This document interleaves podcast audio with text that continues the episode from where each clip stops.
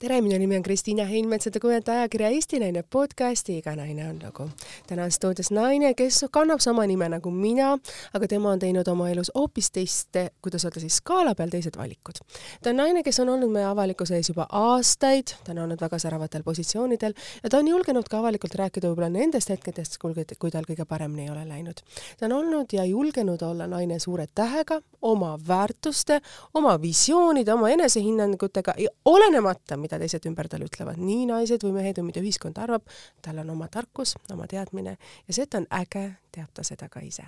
tere tulemast, Kristiina Ojuland! Tere päevast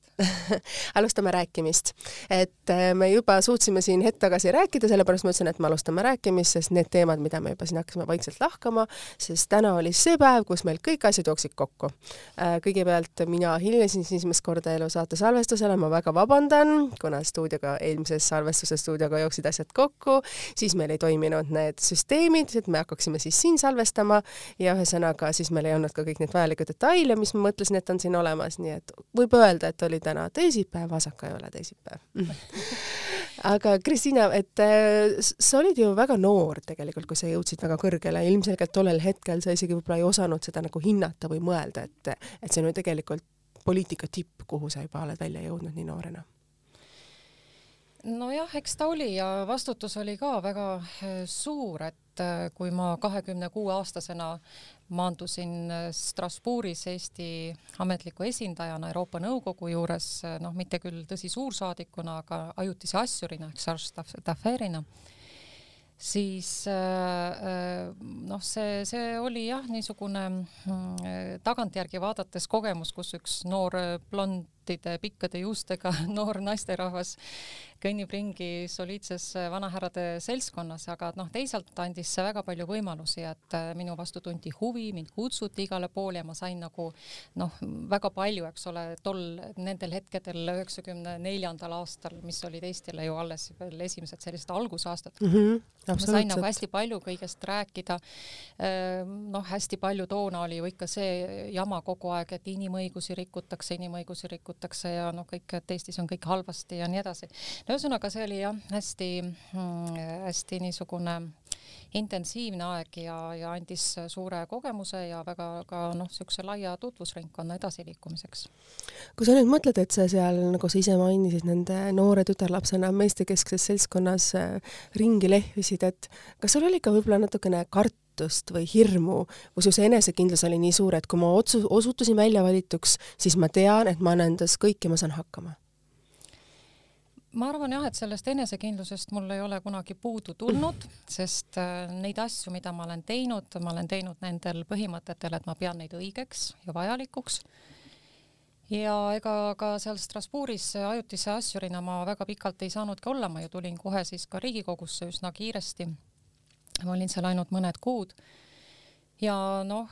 see muutus oli tegelikult tohutult suur, et, et üks asi on olla tõesti rahvusvahelises elus, rahvusvahelises poliitikas mm, -hmm. et noh, mhm. ma võiks praegu ka tõmmata paralleele, et, et noh, kui ähm, Kaja Kallasel läheb nagu väga-väga hästi nagu välismaailmas, siis noh, ütleme siin koduseinte vahel poliitikas olla on, on, on päris raske. ja toona ka see oligi tegelikult raske, et kui ma tulin Riigikogusse, siis ma olingi, kas ma olin kakskümmend seitse või midagi niisugust, äh, et äh, see oli, see oli väga karm ja, ja ja ega mind siin tõsiselt ei võetud, mind võeti kui ajutist nähtust, sest ma tulingi nagu asendusliikmena. Äh, ennem üheksakümne viienda aasta märtsi valimisi, mõned kuud äh, sain ma Riigikogus olla, siis ma jälle lendasin sealt välja, sest et äh, toimus mingi ministrite vahetus, kas Indrek Kannik või Heiki Kranich, mingit ministriportfelli seal vahetati. ja siis ma siis olingi nagu äh, kraavis esimest korda nagu päriselt, et ma Välisministeeriumisse tagasi minna ei saanud, kuna mul oli seal suur vaidlus toonase kantsleriga ja ma käisin temaga kohtuteed, mille ma küll võitsin lõpuks, aga jah, need mõned kuud seal ennem valimisi, siis, siis, siis tegelikult kui, vaat kui huvitav, et see kõik meelde tuleb praegu, et, et siis sellest kraavist mind sikutas välja tegelikult Rein Lang, kes pakkus mulle väga huvitavat tööd. Toona loodi just siis äsja Eesti Ringhäälingute Liit, mis oli siis eraõiguslike meediaväljaannete selline organisatsioon ja, ja ta pakkus mulle selle tegevdirektori kohta. Ja siis ma suure innuga tegingi seal kõike, mida ma suutsin ja oli ka väga palju välissõite, noh, toona, eks ole, et, et siis ma nagu esindasin Eesti meediat nagu rahvusvahelistes organisatsioonides ja see oli ka väga-väga põnev. Kui sa mõtled sellele ajale tagasi ja sa kirjeldad just praegu hästi huvitavalt seda, et kohalik poliitika ja välismaal toimuv poliitika, et need on kaks erinevat süsteemi või asja ja nagu ma saan aru, ka inimsuhted on väga erinevad. mis mõttes nad on erinevad, et nagu sa, nagu ma saan, nii palju kui mina vähemalt praegu kuulasin ja aru sain, et Strasbourgis sind võeti kui päris tegijat ja Eestis olid sa lihtsalt äh, blond kohatäide. Nojah, nii võib öelda küll, et äh, Strasbourgis ka hiljem, noh ikkagi veel toona veel alla kolmekümne aastasena, kui mm -hmm. ma juba Riigikogu liikmena käisin Eestit esindamas seal parlamentaarses assamblees. Mm, -hmm siis mulle usaldati seal tõesti väga kõrgeid positsioone, ma olin isegi selle parlamentaarse assamblee asepresident väga palju aastaid ja lõpuks ma olin ka kolm aastat seal toona siis liberaalide fraktsiooni juht, kuhu kuulus sada inimest tollesse fraktsiooni et, et aga eh, siin võib-olla ma tõmbaksin natukene väikse vahe vahele, et üks asi on diplomaatia, rahvusvaheline mm -hmm. diplomaatia ja seal on noh, ikkagi sellised viisakad mängureeglid, ehkki muidugi ütleme noh, eks diplomaatias ka selja taga tehakse igasuguseid halbu asju, aga mm, see, mis puudutab sisepoliitikat, ükskõik ka noh, teistes riikides, et ütleme, kui britid, eks ole, tulevad äh, parlamentaarsesse assambleesse, siis nad seal käituvadki ka nagu võib-olla viisakamalt on ju, või ükskõik mis, lihtsalt võtsin praegu britid näiteks, ükskõik missuguse riigi poliitikud rahvusvahelisel tasemel käituvad nagu paremini, ütleme, kui kodus olles. et ega selline catch, selline mudamaadlus käib kõikides riikides sisepoliitikas, mitte ainult siin Eestis, et noh, me siin vahel mõtleme, et, et oi kui õudne see kõik on, mida nad seal vaidlevad ja ja noh, nüüd eriti, eks ole, paljud ei saa aru, mis mäng selle lastetoetuse seadusega mhm, käib mm, -hmm. aga aga seal, seal ei olegi mitte midagi muud, see on poliitika, et siin see küsimus, kas lapsed saavad raha juurde või mitte, see, see ei ole teema. see hetkel minu see ei ole oluline. ja see, see nagu ei ole üldse praegu nagu see teema, vaid teema oli noh, selline jõupoliitika praegu uh -huh. selle eh, kahjuks küll noh, niisuguse hella teema pealt, laste pealt, et see on nagu väga nõme. aga noh, nii see kukkus välja kui sa mõtled nüüd oma nende Strasbourgi aegadele nagu noh, tagasi nagu sa nagu räägid, et kas ei ole niimoodi, et kui sa oled välja teeninud usalduse, siis sind usaldatakse, keegi ei vaata enam su juuksevärvi, sinu vanust või sinu välimust, et siis nii on, et sa oled sellele ameti peale määratud ja nii on ja muidugi, aga noh, ega eh, see ongi, et, et ähm, ega lihtsalt niisama keegi sulle kreemikooki ju ette ei too, eks ole, et noh, kui sa nagu ähm, isegi kui sa selle juhuslikult selle kreemikoogi äkki keegi kobamisi sulle ette on pannud ja pärast selgub, eks ole, et sa ei ole seda väärt, et noh, siis see asi kaua ei kesta mm. -hmm. et, et noh, veel kord, et ega kõike, mis on tehtud, on tehtud ikkagi suure tööga et, et noh, teine lisaks minu niisugusele võib-olla ka liigsele enesekindlusele on see, et, et noh, ma olen äh, nagu väga suure töövõimega, et kui ma midagi teen, siis, siis see töövõime on mul suur. mis on need perioodid, mida sa mäletad, kui on sinu töövõime olnud selline meeletu, et sa võtad endale sihi ja sa tead näiteks, et sa pead õppima pähe, ma ei kujuta ette, mingisugused asjad on mingisugused detailid ja sa lihtsalt teedki kaks, kakskümmend neli tundi näiteks kolm nädalat tööd. et palju on sul neid perioode elus olnud tegelikult ja kui vähe sa pärast mõistad, kui vähe seda hinnatakse no.? No ja see periood kestis äh, ikka väga pikalt ja tagantjärgi ma mõtlen seda, et äh, kuidas ma noh, jõudsin, et ju siis ikkagi noore inimesena oli nii palju energiat, et äh, ma ikkagi üheksakümnendatel aastatel töötasin sisuliselt kolme kohaga mm,. aga täpsusta et, ma olin Riigikogu liige, mm, siis paralleelselt ma õpetasin erinevates Eesti kõrgkoolides Euroopa Liidu õigust mm, ja institutsioonide õigust ja siis ähm, nagu öeldud, et ma veel mõnda aega olin Ringhäälingute Liidu tegevdirektor paralleelselt, siis ma olin ka Tallinna linnavalitsuses ähm, mingi veerand kohaga juristina tööl. et, et aga, aga see pinge tegelikult, ütleme see just see ülikoolis õpetamise pool, see oli nagu jällegi see, mis võttis nagu tohutult energiat, et noh, peale Riigikogu tööd koju jõudes siis keskööni istusin ma ise kahe paksu raamatuvirna vahel, et, et kõigepealt endale need Euroopa Liidu institutsioonid kõik selgeks teha. sest et noh, toona ju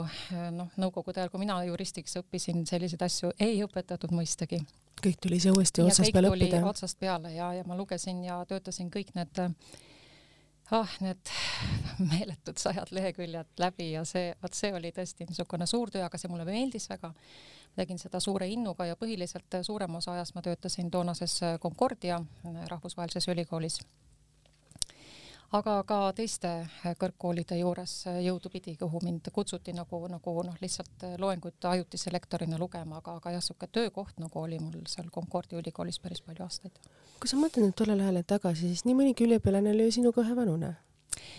või vanemgi? ja, ja me tegime, noh, seal oli ka palju oli ka selliseid täienduskoolitusi, et toona oli ju see Euroopa Liiduga liitumise eelaeg mm -hmm. ja, ja siis kõikide maakondade ametnikud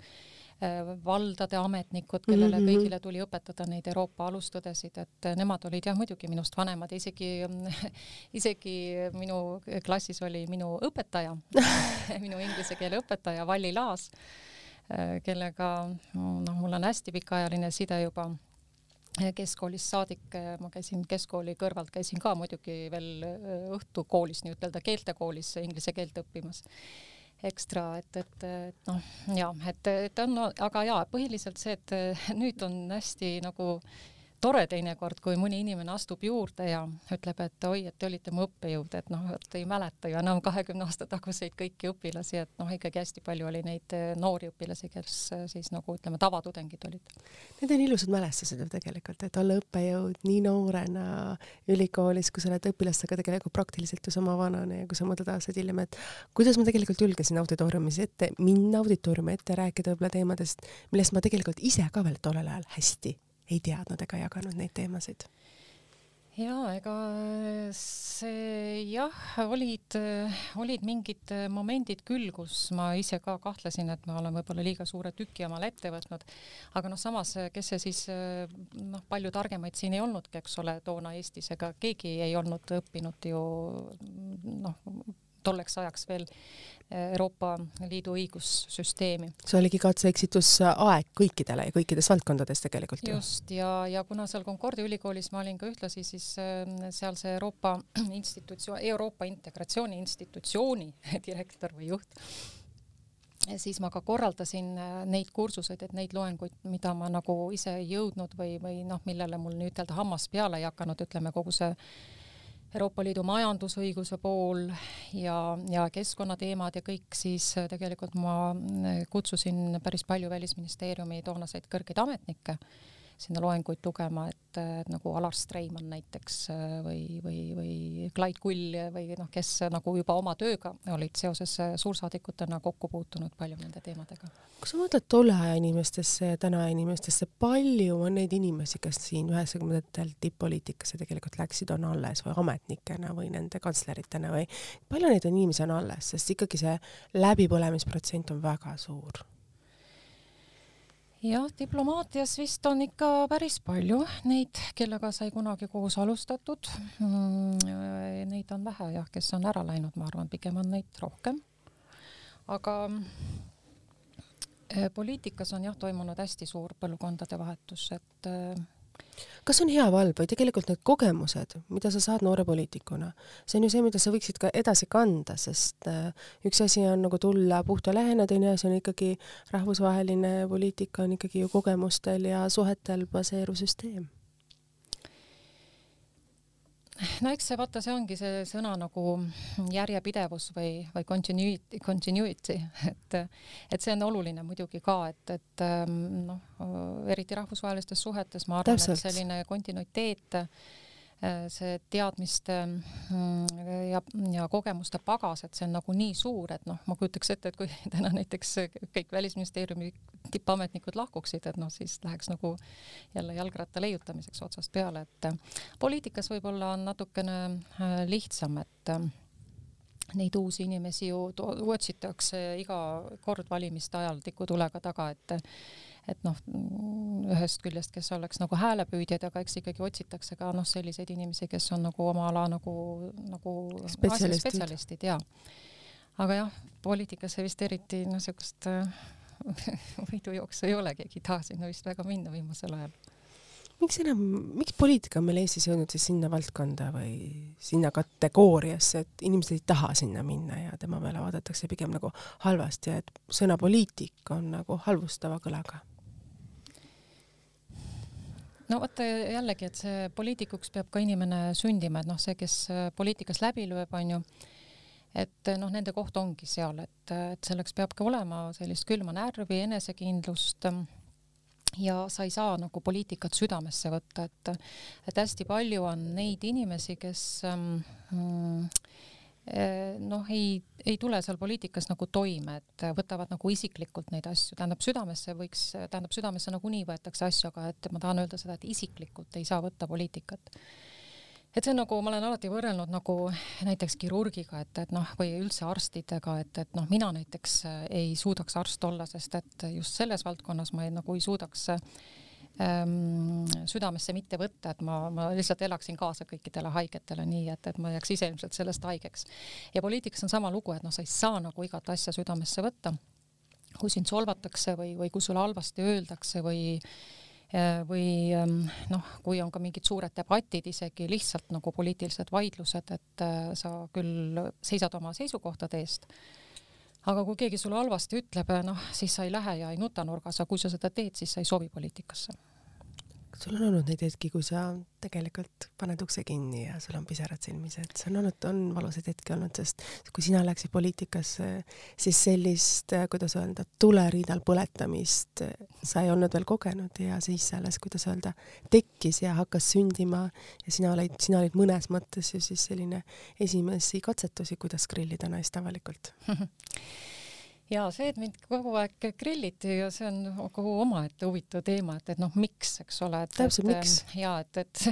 nagu üks mu endine nõunik siiamaani ütleb, et noh, kui Kristiina Ojuland midagi ütles või tegi, siis noh, kõik midagi kommenteerisid selle peale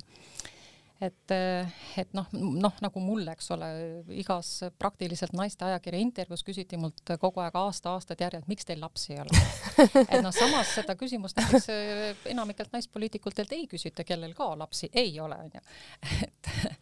et noh, näiteks see oli üks teema, mis mul alati oli nagu väga kummaline, et miks nad minult seda küsivad meestelt me ei küsi, mitu last teil on kodus, kas te viisite täna lapse lasteaeda, oi, ta on teile haige, kas ta on, kas te koroonat ise ravite oma lapsel, sellist asja me ei küsi meespoliitikutelt ju. jaa et, et see, aga, aga mis pisaraid puudutab, jah, ma võin öelda küll, et, et noh, seesama, eks ole, et noh, kuidas toime tulla rasketes olukordades, et noh, see kõik on inimese peas kinni, ma võin, ma noh, saangi täiesti ausalt öelda seda, et noh, kui mm -hmm. mind mhm. Reformierakonnast välja visati, ma ei valanud ühtegi pisarat, mitte ühtegi ja ei ole siiamaani sellepärast pisaraid valanud. sest noh, seda ei saagi isiklikult võtta, see oli poliitika, mis minuga tehti kindlasti oli seda tollel hetkel raske võib-olla mõista, aga täna ma arvan, pigem sa mõistad sellele, et see oli hea ähm,. jah, ei tea, mis oleks võinud olla, ega muidugi äh, ma saan öelda, et ähm, noh ähm, ma ei saa öelda, et ma kahetsen, et, et see nii läks, aga, aga noh, oleks võinud minna ka teisiti, et kui oleks olnud teatud asjaolude kokkusattumist, et ähm, aga ma arvan, sa ei oleks võib-olla siis jäänud, saanud truuks jääda nendele veendumustele ja ossidele, väärtustele, mis olid sinu jaoks oluliselt, sest see ei toimunud ju niisama põhjustel, vaid see oligi tegelikult sinu kindlameelne vastasseis ja oma arvamusele kindlaks jäämine nojah, seda küll, et noh, siis oleks ilmselt see mm, kaikavedu seal nagu lihtsalt võib-olla kauem kestnud, aga aga ja et äh, teisalt, eks ole, tulid ka väga noh, ühiskonnas, eks ole, tekkisid nagu paralleelselt äh, väga kiiresti ju uued tuuled, uued -hmm, muutused mm. -hmm kui mind noh, välja visati, oli aasta kaks tuhat kolmteist oli vist ja kaks tuhat viisteist, eks ole, tekkisid siis need suured massiimmigratsiooni teemad ja, mm -hmm. noh, mhm. siis siis ma tulin ju uuesti poliitikasse tagasi, sest oli teema, mille eest nagu, nagu noh mm -hmm, seista, mhm. et, et, et ja see oli ka omaette meeletu suur kogemus ja jällegi noh, seesama, see töötamine nagu meeletu töötamine, et noh, isiklikult äh, sõita mööda Eestit ringi iga jumala päev sisuliselt kõik nädalavahetused, et erakonda üles ehitada nullist inimestega, kohtuda inimestega, rääkida, et saada kokku see viissada inimest äh, erakonna äh, liikmeskonnaks, milleks noh, on mm, -hmm. oli vaja, eks ole, et seda registreerida. et äh, see oli ka suur töö, muidugi ma ei teinud seda üksinda, et, et ikkagi koos abilistega, aga aga noh, kõik vaatasid ju minu peale, sest noh mm -hmm., siis olin mina nagu see juht, et, et kellelt kogu aeg oodati ja noh, see, see tegelikult nõudis ikka väga suurt energiat ja, ja nagu niisugust noh, ka niisugust enesekindlust, et, et noh, ju ega meil lihtne ei olnud, eks ole, rahastus oli väga-väga minimaalne ja ega, ega poliitikat ilma rahata ei tee ka et sa ei ehita erakonda ilma rahata ja sa ei tee mingit kampaaniat ilma rahata, et, et seda oli meil vähe ja kõigil olid äh, nagu noh, pingelised ajad, kõik tegid seda ju vabatahtlikult oma koduste ja muude asjade kõrvalt. mis see periood õpetas sulle? Äh, sellel perioodil oli tegelikult võib-olla noh, niisuguseid äh, raskemaid tagasilööke isegi ma ütleksin kui Reformierakonnas, sest seda ma võtsin rohkem nagu isiklikumalt et noh, kui noh, näiteks äh, kaks juhatuse liiget nagu lihtsalt nagu lambist astusid erakonnast välja ja nagu halvustasid ennem valimisi mõned nädalad kogu, kogu seda meie seltskonda ja kogu erakonda ilma, ilma nagu mingisuguse põhjuseta. Ja noh, see oli nagu minu jaoks oligi selline nagu, nagu reetmine tegelikult, see oli noh, kõige selgem reetmine iseenesest ja mitte keegi ei saanud aru, miks nad nii tegid. Mille pärast äh, peale seda kõike analüüsisime väga pikalt ja põhjalikult ja isiklikult rääkisime, et noh, kas keegi solvas neid, kas, kas midagi oli meil noh, kasvõi ütleme põhimõtetes kuskil mingid põhimõtted läksid lahku, seda ei olnud. see oligi noh, lihtsalt tagantjärgi vaadates see oli ilmselt mingi provokatsioon või, või, või midagi niisugust seda on sinuga elus ju palju tehtud, et sind on pandud olukordadesse, mis on, kuidas öelda, näidanud sind mitte hal-, hal-, ütleme halvustavas valgus, on no, provokatsioon täpselt sinu vastu. et neid on olnud ju elus sul palju tegelikult ja sa oled neid kuidagi ikkagi suutnud hästi lahendada. noh, eks iga asi jätab oma jälje ju muidugi, et, ähm, et valu mõnes mõttes et sa teinekord esitad ju küsimusi, aga miks seda tehti, sa küll ei võta seda isiklikult, aga mõtled, et no oli nüüd seda vaja, et äh, miks sa nagu tahad nagu lõhkuda neid asju või et meil olid ju kokkulepped ja kokkulepped on need, millest peaks nagu üldiselt ju kinni pidama ja kui neid nagu lõhutakse, et noh, miks seda vaja on, et alati saab istuda uuesti maha ja teha uued kokkulepped, kui midagi ei sobi, aga selline selja taga ärategemine või ühe poole arvamuse peale surumine, et nüüd on nii kõik kogu lugu, et see on nagu see on nagu in, eba, eba, eba, ebainimlik ja kui seda on nagu palju, sa mõtled, aga miks seda vaja kõike on? nojah, eks need inimsuhted ongi keerulised, et, ähm, et noh, ega vaata isegi ka noh, ütleme nagu isiklikus elus ikka ju tuleb selliseid ähm, momente ette, kus äh, vahel lihtsalt noh, täiesti tühjast, eks ole, tekib mingi tohutu suur tüli onju, et, et noh, kas inimesed siis räägivad üksteisest mööda Äh, ei süvene, mm, on mingid muud mõtted peas või, või noh, või, või teinekord ongi, eks ole, mingisugune pahatahtlik eesmärk, et, noh, provotseerida nagu teist poolt, et, et, tüli nagu üles, noh, leiaks põhjuse, eks ole, tüli üles võtta, onju. Et see on nagu jah, vist inimeste maailmas paraku üks, üks asi, mis meid kahjuks ümbritseb, jah. palju sa ise oled seda teinud? provokatiivselt suhtunud või meelega teinud teatud olukordades, sa ootad, milline reaktsioon seal tuleb no eks, eks ikka on tulnud ette ka selliseid asju, et. Äh, mis oli võib-olla mõni situatsioon või kui sa oled nõus seda siin saates avalikustama, et noh, me ju lastena teame kõik, kuidas me teeme, viskame muda palliga kellegi suunas ja siis peidame nurga taha, vaatame, no kuidas nüüd reageeritakse. ei, tegelikult üks asi on küll, mis mul ei lähe meelest ära, teised lihtsalt ei tule meelde, aga sellest ma täna ei tahaks rääkida. võib-olla kunagi hiljem, et, et äh, sellega on nagu noh, ma arvan, et kõik tagantjärgi naeraksid, kui nad äh, teaksid, et mina seda tegin, aga, aga noh, tol hetkel oli see sihuke suhteliselt niisugune äh, karm nali nii-ütelda mõnes mõttes tagantjärgi nagu mõeldes, et on nagu hea, et sa nagu tegid selle, said hakkama, viskasid selle mudapalliga, tegid katsetuse ära, rohkem teha ei taha ja ega ma vist nii mastaapselt ei ole küll kedagi provotseerinud rohkem elus aga see on ükski osa, ongi, kuidas öelda, see äh, poliitiline manipulatsioon, küsimus on, kas lasta ennast süüa või süüa kedagi teist ära, teinekord lihtsalt sul on olukorrad, et sa pead enda eest võitlema ja sa ei saa valida vahendeid, kui sa oled ise sattunud hammasrataste vahele. ja, ja muidugi ma ja vot see oli väga hea, et sa seda meelde tuletasid just nimelt, et ega ma seda lihtsalt niisama äh, noh, heast puhtast või mingist pahatahtlikust mõttest ei teinud mm, -hmm. just nimelt, et noh, ma, ma, ma tegin seda lihtsalt sellepärast, et mu kannatus oli juba viimase piirini nagu viidud. et noh, lihtsalt ja et noh, nagu natuke nagu kättemaksuks või midagi niisugust võib-olla mitte kättemaks isegi, vaid äh, mina olen mõistnud elus, et isegi kui sa tahad, et kõik oleks hästi ja sa üritad kõike nagu headusega teha, siis mingil hetkel see karikas on nii täis, et siis sa langetadki otsuse, et nüüd ei ole enam seda headust, vaid nüüd on nii, täpselt nii, nagu on. ja siis teinekord ongi see mudapalliga viskamine on vajalik noh, eks ta jah, ega ta tookord tuli ka kasuks, ma arvan äh,, taga kõik, kuidas need asjad lõpuks lahenesid, oli, oli, tuli teatud selgus, ütleme maa peale. Äh,, jah palju sa ise elus äh, usaldad sellist elu, et äh, sa oled olukorras, sa ei tea, kuidas see asi laheneb, sa võtad nagu rahulikult, et lased elul ise asjad ära lahendada või lased elul voolata nendes asjades, et mm. ja palju sa nagu ise mõtled, ei, ma pean kõiki asju ise tegema mm., ise sarvist haarama või sa teinekord mõtled, et ma ei suuda, ma ei oska, tulgu mis tuleb? ei, vot see ongi ka jällegi üks ähm, niisugune teinekord et eh, noh, see ongi ilmselt ka minu nõrkus, et, et noh, ma lihtsalt tahangi liiga palju ise teha, ma ei, ma ei ole hea delegeerija, et äh, ma ei oska seda vist eh, õppida, kui ma juba nii vanaks olen elanud. et ma teengi ise asju ära. see mõnes mõttes ma olen, ma, ma olen samasugune ja ma pean tunnistama, see tekitab teinekord väga suurt paha, paha, pahandusi ja väga, väga raskeid olukordi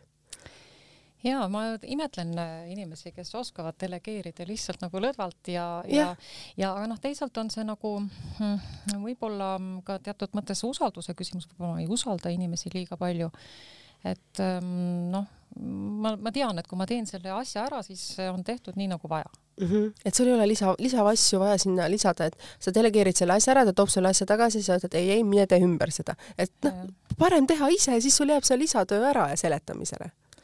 nojah, täpselt nii on jah, et ja no isegi ükskõik, isegi mingi füüsiline töö või midagi niisugust, et noh, kui on vaja, siis ma teen ära sa oled ka korduvalt rääkinud erinevatest spordialadest, mida sa harrastad ja sa oled väga sportlik ja sa oled suurepärases vormis ja sa näed imeline välja, et eh, mis on nagu see, mis sind nagu vaimselt hoiab, hoiab nagu selles mõttes nagu vormis või tasakaalus, mida sa nagu iseenda jaoks nagu teed, sest noh, poliitika on vaimne, ta on psühholoogiline, ta on väga selline manipuleeriv ja selleks, et ennast, kuidas öelda, teisele lainele saada, sa pead omama ka midagi füüsilist tööd no praegusel hetkel ma teengi füüsilist tööd vist rohkem kui, kui muud tööd, sest mul on nii suur aiapidamine, et, et siin eriti just mm, kevadest saadik, ega ma sealt eriti palju välja ei pääse, paar korda võib-olla nädalas käin linnas mingitel töökohtumistel või midagi niisugust. et mm, jaa, füüsiline töö on nagu, on nagu väga oluline või noh, kes ütleme, peabki istuma siin päevade kaupa niimoodi arvuti taga, eks see sport ikkagi äh, tasakaalustab. tasakaalustama ja et, et, et kõik noh, kõige, kõige lihtsam asi, noh, mul muidugi on seda hea öelda või noh, maal on ju mõnus, eks ole, hommikujooksu teha, et, et lihtsalt lähed, astud majast välja ja jooksed metsa vahel, et, et ei peagi tegema mingeid, ma ei tea, pikki kilomeetreid, et paar-kolm kilomeetrit ja see tõmbab siukse värskuse sisse ja annab nagu juba iseenesest nii palju energiat, et et noh, kõige tähtsam, kõige, kõige raskem on see moment, eks ole, hommikul noh, et noh, kas ma nüüd lähen või ei lähe või panen need dressid või ei pane või. aga noh, siis mul on need kaks koera ka, siis nad juba hommikul niimoodi ootavad, niimoodi silmad säravad, et noh, kas lähme juba või ja, ja siis, kui sa tagasi tuled, vot see on nüüd see kõige tähtsam moment, et see raskus tuleb ületada hommikul, noh, see otsus, eks ole, et ma nüüd lähen. ja kui sa tagasi tuled, see tunne, see on niisugune noh, see on nii hea tunne, siis sa nagu lähed peegli ette ja tänad iseennast ma tean seda, et äh, kuidagi saada seda väike impulss kuskil kõrvalt, et sa ei saaks oma laiskusega sattuda diskussiooni ja, ja mul on teine harrastus veel, mis mul on olnud üle kolmekümne aasta, noh, see on tõesti, ma ei tea,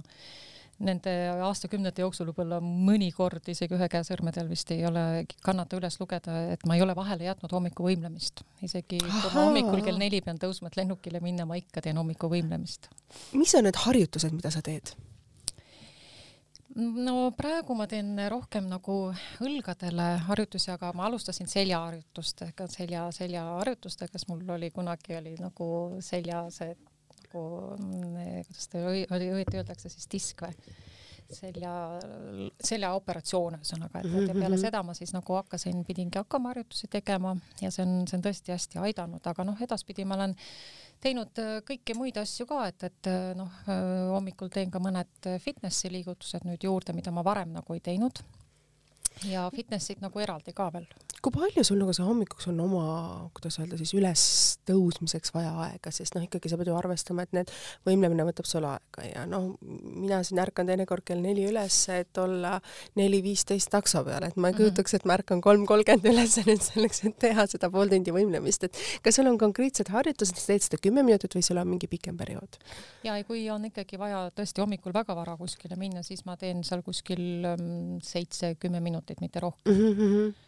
aga tavaliselt, tavalisel hommikul ma ärkan pikalt, mul on kõik omad protseduurid, muidugi sport äh, kõigepealt ja, ja sidrunivesi kõigepealt ja igasugused ähm, noh, kõigepealt ma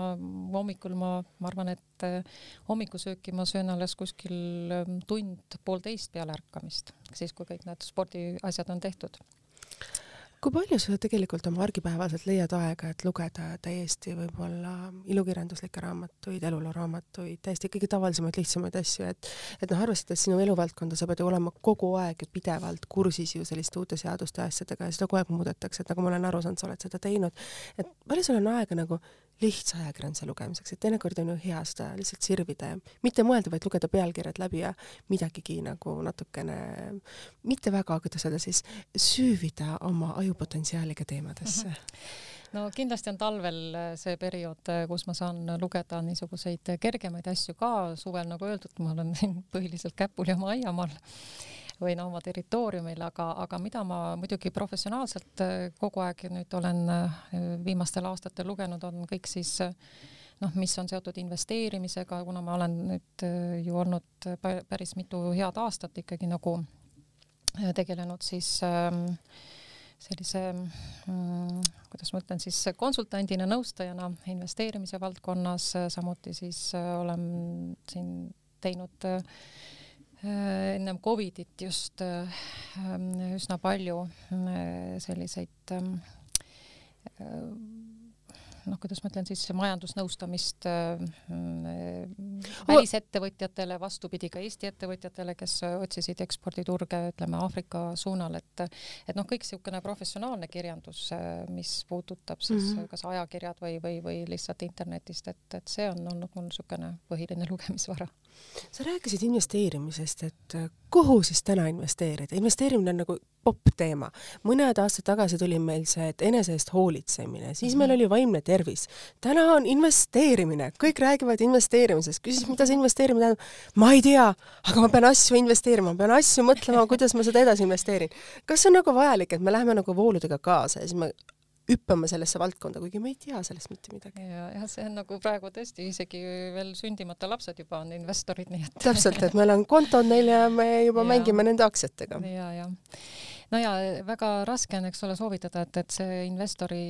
mm, poolt vaadates see kõik sõltub jälle investori närvidest, et kes kuhu suudab investeerida. et kui närvid on nõrgad, siis jah krüptovaldkonnas väga noh, ma ei soovitaks, sest need tõusud ja langused on seal, eriti just praegusel hetkel on päris äh, kõva langus äh, läbi käidud, ma loodan, et põhi on nüüd ära käinud, et hakkab vaikselt uuesti tõusma aga jah, sellist noh, ütleme kuldreeglit ju ei ole, et, et ja investeering on alati seotud riskiga, ükskõik kui turvaline see sulle tundub, eks ole, aktsiaturgudel me näeme kõik, mis toimub, et et noh, paljud kritiseerivad, et võlakirjad on niisugused mõttetud äh, asjad, et noh, tänasel hetkel võib-olla ei olegi nii mõttetud asjad, kui ütleme, võlakiri teenib sulle kaheksa protsenti nagu tulu, eks ole, võrreldes sellega, kui sa näiteks hoiad lihtsalt raha kuskil pangas, saad mingi üks-kaks protsenti et ja inimene peab alati ise nagu otsustama ja valima, et, et kus, kus kaugele ta nagu oma riskidega suudab minna. ja kõige lihtsam variant veel, vabandust jah, et võib-olla noh, kõige lihtsam variant tegelikult, mida ju inimesed on eluaeg nagu teinud, et, et noh, lihtsalt äh, hoiustatakse mingi kindla protsendi peale, et, et noh, muidugi siin jällegi, et tuleb vaadata neid kohti, et Eesti pankades äh, hoiustamine ei ole just praegu kõige tulusam tee seda enam, kui inflatsioon on nii suur, aga noh, on ka neid kohti ja neid võimalusi maailmas, mis ka tuginevad uutele tehnoloogilistele lahendustele, kus ütleme, raha investeerides on seda ikkagi võimalik reaalselt kasvatada kuld, kuld, kuld on alati ma just tahtsin küsida, mis on see investeerimisnes kulla, kulla asi, kui me jätame selle päris kulla siis nagu mm -hmm. kõrvale, mis on siis see täna, kuidas öelda, investeerimine kuldne vasikas, investeerimise -hmm. kuldne valik, vasikas? no jaa, aga ongi siuksed konservatiivsed investorid eh, investeerivad kulda ja, ja noh, peab ütlema seda, et noh, ka oma kogemusest võin öelda, et, et ikkagi kuld on tõusnud aastatega järjest, küll tõsi, vähehaaval, aga siiski ja, ja kullale on noh, paljudes äh, rahvusvahel-, rahvusvahelistes ähm, artiklites ka ennustatud ikkagi tõusupotentsiaali veel ka praegusest tasemest, nii et äh, et no kuld on niisugune kindel asi, see on ka väga lihtne, et ta on alati sul noh, ta ei pea muidugi sul nii-ütelda taskus olema tänapäeval, võid sa ka noh, kuskil mujal seda kulda hoida või, või isegi nagu elektrooniliselt seda mm, omada, aga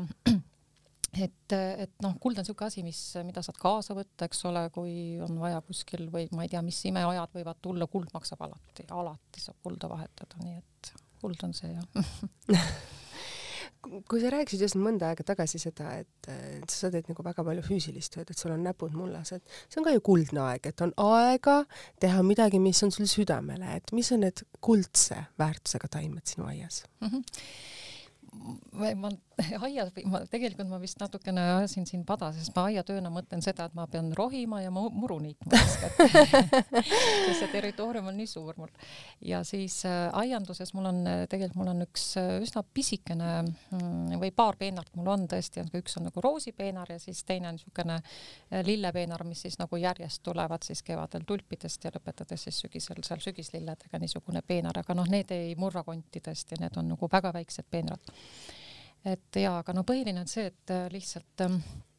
eh, kõik see noh, lihtsalt, et see aed nagu tervikuna oleks nagu vähemalt silmale kena vaadata, et noh, et umbrohi ju see kasvab nagu hull ja kui territoorium on väga suur, siis, siis see väga kole, kui ta on nagu muru liitmata. see on ikkagi aastate küsimus, et noh, mind saata aeda, mina vaatan, oi kui tore, võilill kasvab muru sees, mina mõtlen, oi kui tore, sest mm -hmm. noh, mina olen Lasnamäe tüdruk, minu mm -hmm. jaoks võilill tähendas ilu ja kaunidust. päris aedniku jaoks on see peavalu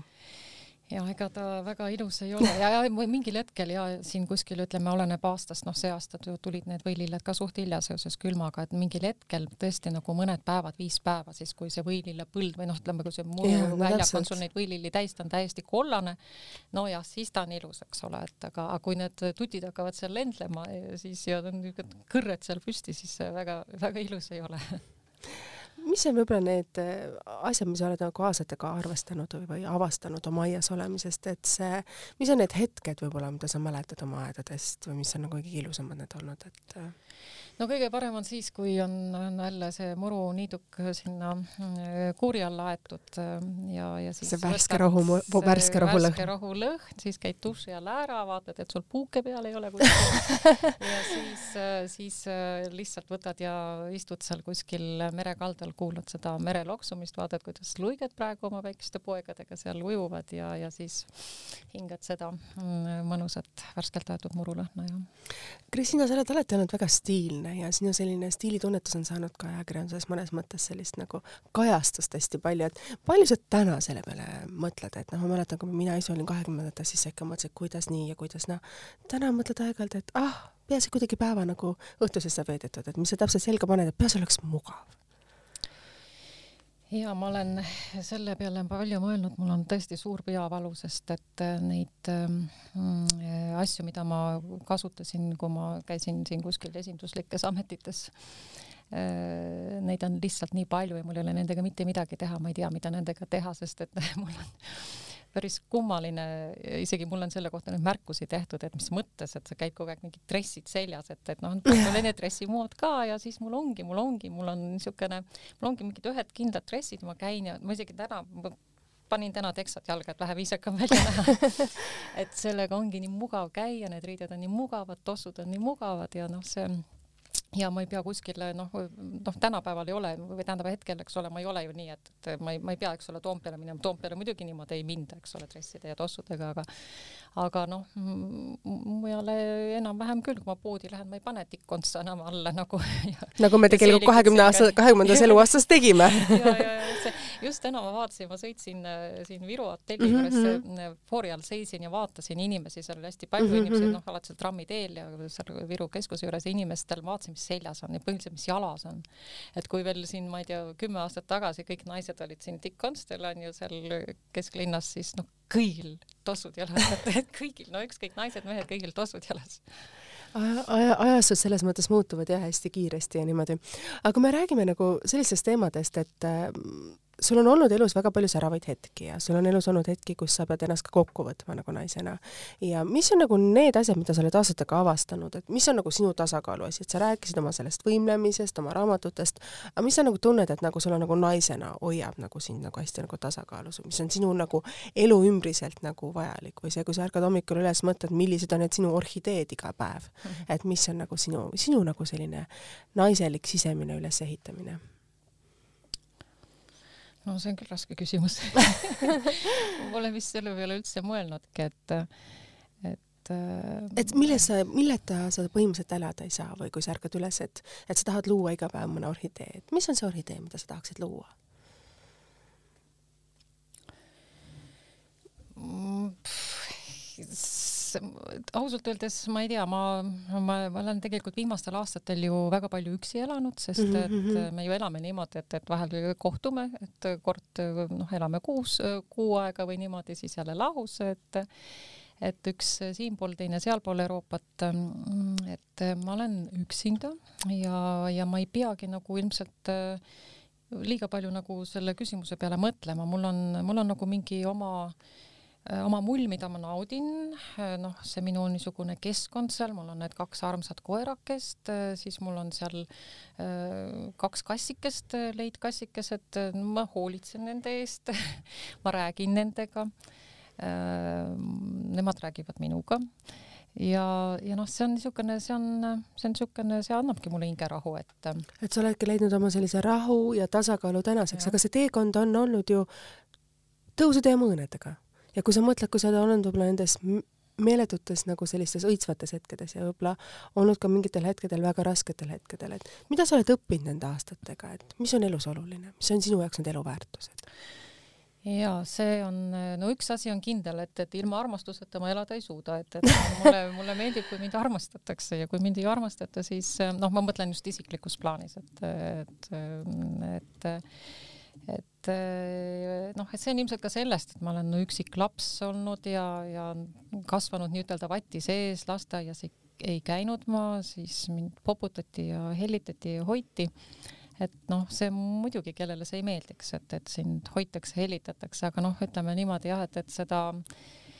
ju viimastel aastatel väga palju nautida pole olnud võimalik lihtsalt suure distantsi tõttu, et et noh, seetõttu ongi, et, et selline armastus äh, käib mulgi ilmselt äh, nagu rohkem praegu loomadega, et et nemad armastavad mind ja, ja, ja mina armastan neid. armastus on see, mida me vajame ju naistena alati, alati oma ellu ja armastus on ka see, mida me saame iseenda ümber luua. ja et see on äh, jah tõsi, et, et see oskus armastada mm. ei pea olema ainult ju mehe-naise vahel, oskus armastada seda, mis su ümber on ja olla tänulik sellele elule, mis on sul tegelikult ümber, et see armastus ju võib väljenduda nii tuhandetes erinevates asjades. ja kui sa õpid seda märkama, siis nagu sa ütlesidki, on sinu see mull või sinu see ilus ümbris, mis sa oled tänaseks endale ümber ehitanud ju kaunis ja see annabki selle terviku, et, et äh, vot seesama asi, eks ole, kui ma hommikul noh, tegutsen seal või tegelen seal oma nende loomakestega, valmistan omale hommikusööki selles keskkonnas, kus ma vaatan aknast välja, mul on meri seal vastas, mul on luiged, mul on teised linnud seal, teen akna lahti siis eriti just kevadel, kui linnud, merelinnud just, kui neil on pesitsemise aeg ja, ja, ja nad siis ähm, mängivad seal omi armumänge, äh, kõik need hääled ja kõik see, see, see keskkond on noh, ta annab lihtsalt nii palju positiivsust, et et noh, sul, sul ei tekigi nagu mingisuguseid halbu mõtteid pähe, et, et noh, mul on nagu, ma olen, ma, mul on nagu viimasel ajal ma olen kokku nagu puutunud inimestega või inimesega pigem, eks ole, noh, kellel on nagu väga raske nagu noh, toime tulla, noh, lihtsalt no, nii kurvad mõtted on peas ja nagu kogu mm. aeg on nagu selline hästi stressiolukord, et no täpselt. mul ei ole see kunagi nagu loomupärane, ma ei ole kunagi stressaja olnud ja ma, ma, ma ei mõtle halbu mõtteid. et noh, näiteks et noh, kui, kui sa küsid, eks ole, mis on sinu nagu orhidees, võib-olla see ongi see, et noh, ma ei ole negatiivne, ma ei mõtle halbu mõtteid, et see on nagu noh, ma ei hädalda selle pärast, noh, ma olen kuulnud, eks ole, kui see Ukraina sõda algas, muud ei olnud, eks ole, inimesed nagu õudselt muretsesid, muidugi noh, see, see mure on põhjendatud, aga noh, sa ei saa nagu kogu aeg ainult selles mullis elada või noh, kui kõik on, kõik on halvasti, vot kui kõik on halvasti, ma ei tea, mis see on nagu see on nagu minu jaoks on nii raske taluda eh, noh, niisuguseid ähm, mõtteid või, või suhelda selliste inimestega, kes kogu aeg mõtlevad negatiivseid asju. et noh, ükskõik mis on, kõik on halvasti oskus näha igas asjas head on, on see, mis ju tegelikult tuleb kodust kaasa, et sa just mainisid ise, et sa olid vati sees kasvav laps, et milline oli su lapsepõlv? No oligi, vanaemaga olin ma kogu aeg päevade kaupa kodus, noh nagu ikka, toona ema-isa käisid tööl ja, ja siis ma siis äh, vanaema kõrvalt õppisingi kõiki asju, ta jutustas mulle, kuidas äh, ennem teist maailmasõda asjad käisid Eesti riigis, ma suhtlesin väga palju noh, tema, tema toonaste siis äh, sõbrannadega, kelle juures ta käis, kuulasin, eks ole, neid jutte, mida siis nii-ütelda vanemad ja targemad rääkisid, mu vanaema oli päris noh, tolle aja mõttes oli oli mu vanaema nagu päris äh, eakas, kui mina sündisin, siis ta oli viiekümne seitsme aastane ja, ja siis ta nagu tegeleski ainult minuga, ta noh, siis oli juba pensionil, tol ajal ju naised läksid viiekümne viieselt pensionile. Ja siis äh, siis ja sellest, sellest ongi noh, ma arvan, et selline, mm, ma ei pidanud kellegagi võitlema, kellegagi sõdima, ütleme noh, no ütelda lasteaias, eks ole, ikka lapsed seal tekivad ju mingid konkurentsid või midagi, eks ole, seal mul ei olnud vaja kellegagi kakelda nii-ütelda mingite mänguasjade pärast, kõik oli minu oma, mis mul oli, see oli, see oli minu oma, et et kas sul ei olnud ka raske võib-olla kooli minna, et sina ju tulid äh, sellisest äh, vati sees pehmest, armastatud keskkonnast ja siis see olelusvõistlus esimeses klassis oli ju sinu jaoks võib-olla šokk natukene või sa kohanesid kiiresti, mida sa mäletad sellest perioodist? Äh, vot huvitav, just üks päev just mõtlesin selle peale, et, et ma ei mäleta üldse, kuidas ma, mismoodi ma seal esimeses klassis üldse hakkama sain, ma tean, kui ma kooli läksin, ma nagu väga nagu häbenesin. no kõik ju esimese klassi lapsed viidi ema käe kõrval kooli et ehm, eks ma ikkagi vist olin rohkem nagu selline omaette, et mul sõbrannasid mul esimeses klassis kohe kindlasti ma ei, mulle, ma ei tea isegi, ma ei mäleta enam nimesid. Ehm, ja ega mul teises-kolmandas klassis ka nagu ei olnudki sõbrannasid üldse, ma olingi nagu ikkagi selline üksik ja ega, ega tegelikult ma olen ka tänasel päeval natuurilt, ma olen tõesti üksik inimene, sellepärast ma suudangi üksinda elada, niimoodi üksinda toime tulla. mulle meeldib üksinda olla, vot see on ka väga oluline, et, et ma naudin üksi olekut tegelikult siis ju tänane eluolu selles mõttes, et sul on partner teises riigis, on ju hea jaa, see on väga hea ja see on väga tore, ses mõttes, et noh, kui üle pika aja kokku saada, siis on väga tore. Ja nii me oleme tegelikult kogu elu elanud siin või noh, need aastakümned, mis me koos oleme olnud, et toona, kui ma noh, välispoliitikas olin aktiivne, siis oligi ju nii, et ma olin ka circa kolmandiku aastas vähemalt alati ära ja, ja, ja selles mõttes jah, et selline, vaata, kui sa noh, üksi oled siis ja mõtled veel negatiivseid mõtteid, ma ei kujutaks ette, siis ei saaks üldse hakkama, et, et, et aga noh, ma olen noh, just nimelt ilmselt see mu lapsepõlv ongi mulle andnud selle äh, nagu jõu või, või sellise öö, olemuse et ma ei karda üksi olla, noh, paljud küsivad, issand, sa oled suures majas üksinda maakohas, kuidas see võimalik on, kuidas see võimalik on, ma ütlesin, aga mis mul karta on, ma ei karda kedagi. mis on need õpetussõnad, mida sa mäletad oma vanaemalt, sest teinekord on meie vanaemade ja vanavanaemade, kuidas öelda, roll elus ja need õpetussõnad olulisemad mm. ka võib-olla meie vanemate omad, sest võib-olla emal-isal ei ole nii palju aega meie jaoks ja üks kindlasti üks asi, mida vanaema alati kordas mulle, et, et ära lenda kõrgemale, kui su tiivad kannavad võib-olla ma ületasin seda lennukõrgust mingil hetkel, mine tea, aga jah, see on mul väga nagu meeles nagu ja siis teine asi veel ka ja see, et täna seda töid ära viska homse kaela. aga väga hästi öeldud ju selles mõttes. ja see muide vastab, see on nagu, see on nagu rusikas silmaauku, saate aru, see on nii, et no näiteks ma toon jälle ikka oma puruniitmise näite. Et eh, noh, kui ma mõtlen veel, et noh, näiteks õhtul, et ei tea, kas kell on juba üheksa, et kas ma lähen sinna Raideri selga veel või ei lähe või noh, nagu eile õhtul näiteks. ma ütlen ei, ma ikka lähen teen selle ära, mine tea, mis see ilm täna on, võib-olla tulevad mingid muud tegemised peale. Ja sealt tegelikult alati juhtubki nii, kui sa ei tee seda tööd ära sellel eelmisel päeval, siis järgmine päev see jääb tegemata, sest kindlasti tuleb midagi muud vahele me saade hakkab nüüd praktiliselt lõppema, peame otsad kokku lükkama, sest äh, sinul on kiire ja ka meil hakkab saate aeg otsa saama, et mis on võib-olla need sõnad, mis sul võib-olla täna siit saatest meelde jäävad, sest nagu ma saan aru, siis sa armastad väga üksildust ja ma tänan, et sa leidsid aega, et siia saatesse tulla ja see, kuidas sa nagu mõnes mõttes avasid ukse oma hinge ja rääkisid nendest hetkedest, mida ma arvan, sa väga paljudega ei jaga. et mis on võib-olla see, need teemad ja asjad siis, mis sa nagu siit saatest kaasa võtad? No ma arvan, et võikski ilusti lõpetada, öeldes, et no armastage siis üksteist rohkem, kallistage üksteist rohkem. armastus on see, mida, mis on tihtipeale see, mida meile naistena õpetatakse. oskust armastada, armastust jagada ja oskust ka armastust vastu võtta. see on tegelikult elu alus, et kui me seda naistena edasi ei kanna endas ja seda ei oska enda ümber jagada endale, jagada siis teistele inimestele, kes on meie ümber, siis on ju elu, kuidas öelda, ei ole see orhidee nojah, täpselt nii ja, ja noh, armastust ei tohi ka muidugi kuritarvitada, et äh, kui sa armastust äh, vastu ei anna, äh, et ega see ka midagi head ei too, et, et armastus on ju ikkagi noh, kahepoolne või mitmepoolne, et, et seda ilmselt ja seda õpetab ilmselt elu aitäh, Kristiina, et sa siia saatesse tulid. aitäh, et sa jagasid neid erinevaid elulisi kogemusi ja nii nagu me ütleme, et see saade läheb eetrisse meil suvel ja suvi on see periood, kus siis tuleb nautida armastust, seda igal võimalikul hetkel, sest juulikuu on meil see, mis on Eestimaal alati kõige rohkem täis armastust. Aitäh teile, kallid kuulajad, et olite selle tunnikese meiega. teistmoodi saade, teistmoodi teemadel, seekord täiesti võib-olla teistmoodi ka poliitilistest vaatenurkadest, mida on Eesti meil raputanud või Eesti avalikkuse ette jõudnud. aitäh sulle veel kord, Kristiina, saade on kuulatav nagu ikka Tasku Delfi keskkonnas, Spotify's ja SoundCloudis. aitäh teile ja kohtume juba nädala pärast. nägemist!